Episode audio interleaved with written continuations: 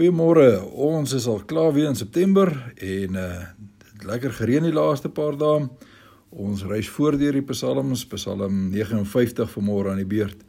Die derde Psalm in hierdie kort reeksie van Psalm 57, 58, 59 wat telkens begin het met die woorde of met die wysie van moenie verwoes nie, 'n lied wat vir die koorleier ehm um, geskryf is. En hierdie Psalm, Psalm 59 word nou verbind met die verhaal van Saul wat opdrag gegee het dat Dawid se huis omsingel moet word om hom dood te maak. En jy kan hierdie hele ontstellende verhaal in 1 Samuel 19 gaan lees. Hierdie Psalm is dus 'n diep persoonlike Psalm in 'n situasie van groot gevaar met geweld van sy vyande wat op hom neersak terwyl hy voel maar hy het nêrens oortree nie. Hy sê dit ook so: Ek is onskuldig en tog beskerm, ag, bestorm hulle. Ek is onskuldig en tog bestorm hulle my. Nou die Psalm kan in 3 dele verdeel word, vers 2 tot 6, vers 7 tot 14 en vers 15 tot 18. Ehm um, onder andere elke keer sien nou die Sela woordjie, maar ook die herhalende inhoud van vers 7 en vers 15 wat telkens 'n nuwe deel van die Psalm inlei. Vir eerste deel vers 2 tot vers 6 red my van my vyande o God. Dawid bid vir God se hulp om hom te red. Die eerste gedeelte is dan vers 2 tot 6 wat ons sou kon noem red my van my vyande my God. Dawid bid hier vir God se hulp om hom te red, te beskerm en te bevry van sy vyande en sy teenstanders, van mense wat onreg doen en wat moord wil pleeg. Dawid is ontstel omdat uh, God nog nie opgetree het nie en dat hulle hom onskuldig bestorm en aanval. Dis asof energie heers hierso. Daarom vra hy God se hulp.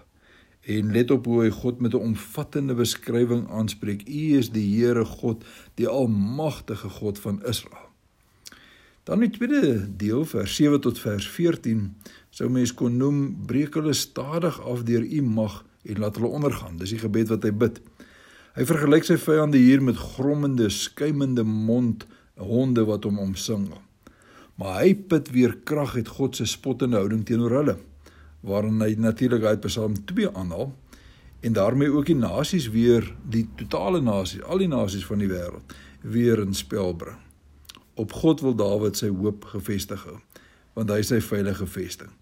En interessant genoeg wil hy nie hê sy vyande moet sommer net so eensklaps uitgewis word nie. Nee, dit moet stadig gebeur sodat hulle straf nie ongemerk sal verbygaan nie en almal terdee daarvan bewus sal wees. Hy vra ook dat hulle eintlik met hulle eie woorde en houding gevang sal word sodat dit duidelik sal blyk dat hulle hulle straf verdien. En dan die laaste deel vers 15 tot vers 18 'n uh, bevestiging u is my veilige vesting. Weerens word die vyande hier met honde vergelyk met die byvoeging dat hulle aan die chang gaan en dat hulle nie genoeg kry nie. Maar jy kan ook hier sien dat hulle werk in die donker gedoen word. En daarteenoor sal Dawid elke môre teenoor God jubel want hy is 'n kind van die dag, 'n kind van die lig. God is vir hom 'n veilige vesting. Hy, hy sê dit twee keer om dit te herhaal. Daarom wil hy God se eer en God se trou besing. Hierdie is 'n psalm om te gebruik in tye van groot aanvegting, veral ook in persoonlike krisisse. Maar jy kan dit ook gebruik wanneer jy voel jou gemeenskap is as ware beleg en energie en weteloosheid in 'n orde van die dag is. Ons beleef so baie hiervan in Suid-Afrika op hierdie stadium. Miskien is dit 'n gebed wat ons daagliks maar moet bid. Miskien is dit 'n gebed wat ons in ons eie persoonlike lewe ten opsigte van baie krisisse waardeur ons dalk moet gaan uh moet bid.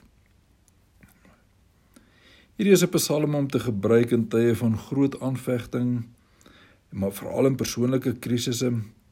Maar jy kan dit natuurlik ook bid soos Dawid wanneer 'n gemeenskap onder beleg is uh en wanneer mens voel onder energie en wanneer mens voel en wanneer mens voel. Dit is 'n psalm om te gebruik in tye nee begin hom voor. Hierdie is 'n psalm om te gebruik in tye van groot aanvegtinge veral ook in persoonlike krisisse en wanneer jy voel dat energie en wetteloosheid as ware die oorhand wil kry Miskien is dit iets wat ons beleef in ons eie land en selfs in die wêreld op hierdie stadium. Miskien gaan jy deur persoonlike krisisse op hierdie stadium.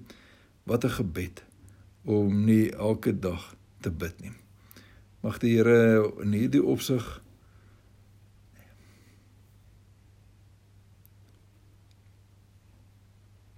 maak dit daarom deel van jou daaglikse gebed. 'n Mooi dag vir jou en vrede vir die res van die week. Totsiens.